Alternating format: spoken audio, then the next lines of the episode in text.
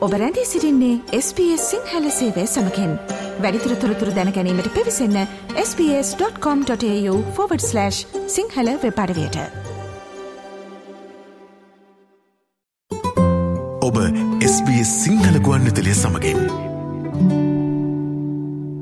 ඔස්ට්‍රේලියාව උග්‍ර ශ්‍රමහිගයකින් පීඩා විදිමින් සිටින අතර බොහෝ ව්‍යාපාර පුහුණු ශ්‍රමිකයෙන් වස්වා ගැනීම වෙනුවෙන් නොනවත්වා අරගල කරමින් සිටිනවා.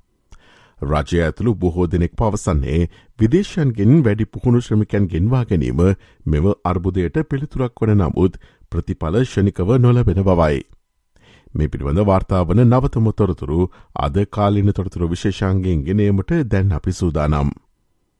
ඔක්තෝබර් විසි පස් වනදා ඉදිරිපත් කිරීමට නේමිත කම්කරු පක්ෂ රජයේ ප්‍රථම අයවැයට පෙරාතුව ශ්‍රමිකයන්ව රැකියාවට පොළඹවා ගැනීමට වැඩිවැඩියෙන් මුදල් හා සම්පත් කැප කරන ලෙසත් නිල්ධහරි තන්ත්‍රය කපාදැමීමටත් කටයුතු කරන ලෙස කර්මාන්තංශය ප්‍රධානයෙන් රජයෙන් ඉල්ලා සිටිනවා.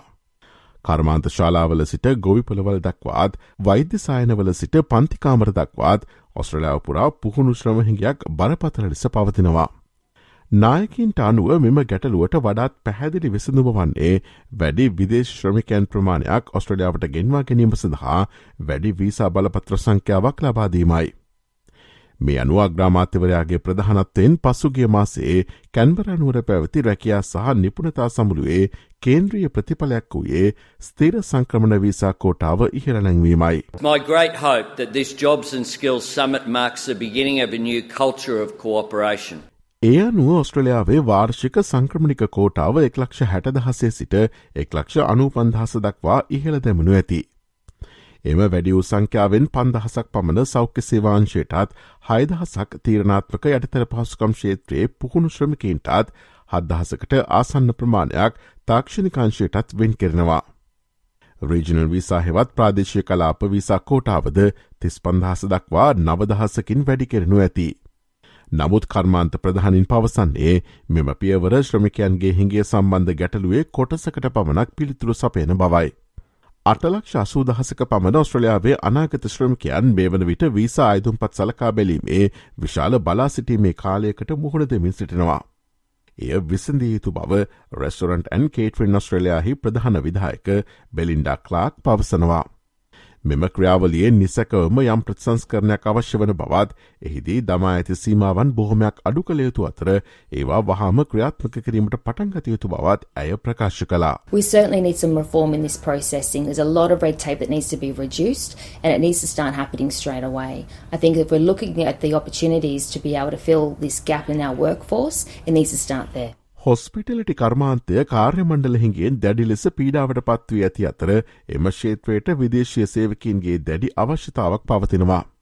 ඕනෑම ආයෝජනයක් සාදරෙන් පිළිගන්නා අතරම සහන ෂණිකව නොලබෙන බව සේවායෝජකයන් දැනගැනීමට අවශ්‍ය බව රෙස්ටරන්ටන් කේට්‍රින් ඔස්ට්‍රලයාහි ප්‍රධාන විදායක බෙලින්ඩා ක්ලාක් පවසනවා.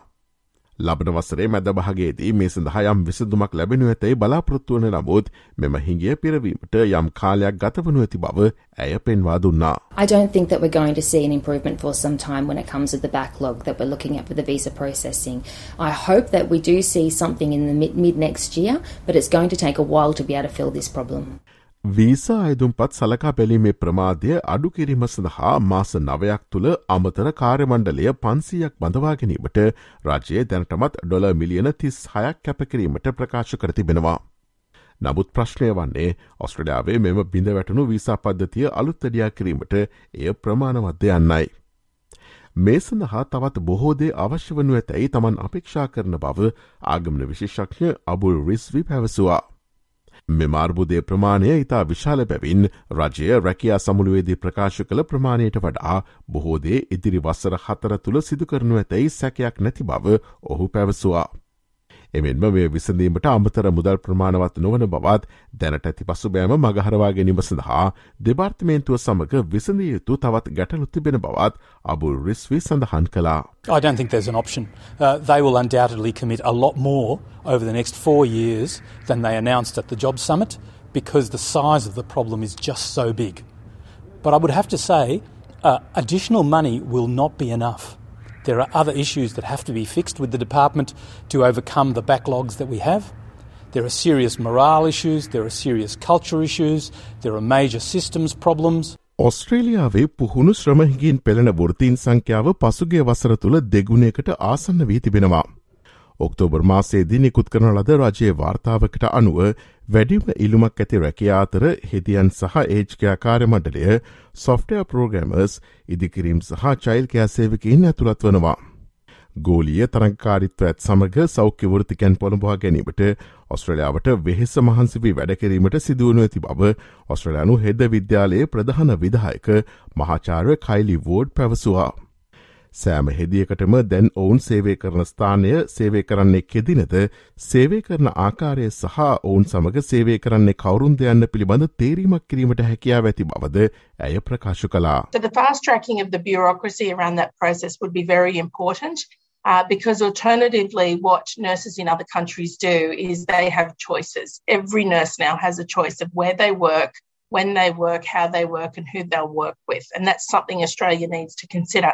ලොවපුරා රටවල් පුහුණු ශ්‍රමිකයන්ව ලබා ගැනීම සඳහා තරඟ කරන විට හොඳම දක්ෂතා ආකර්ශණය කර ගැනීමට සහ ඔවුන්ව තබා ගැනීමට පද්ධතියේ අවහිරවීම් ලිහිල් කිරීම සහ ලබා දෙන දීමනා ඉතා වැදගත් වන බවත් ඔස්ට්‍රලයානු හෙද විද්‍යාලයේ ප්‍රධාන විදායක මහාචාරය කයිලි වෝඩ් පැවසවා.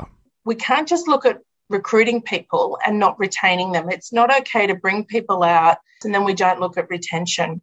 මේ අතර ටෙම්පරරි ප්‍රටෙක්ෂන් වීසා මත සිටින විසිදහසකට පමණ ඔස්ට්‍රලයාාවේ සිර පදිංචිය ලබාදීමටද කම්කරු පක්ෂ රාජය පොරොන්දු වී සිටින අතර එය පුහුණු ශ්‍රමහිගේ මගහරවා ගැනීමටද ඉවහල් වනු ඇතැයි රචය පවසනවා.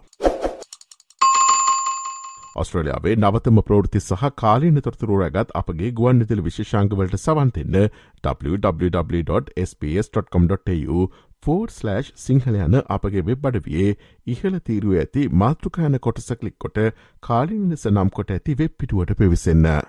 SBS SBS SBS SBS SBS SBS Radio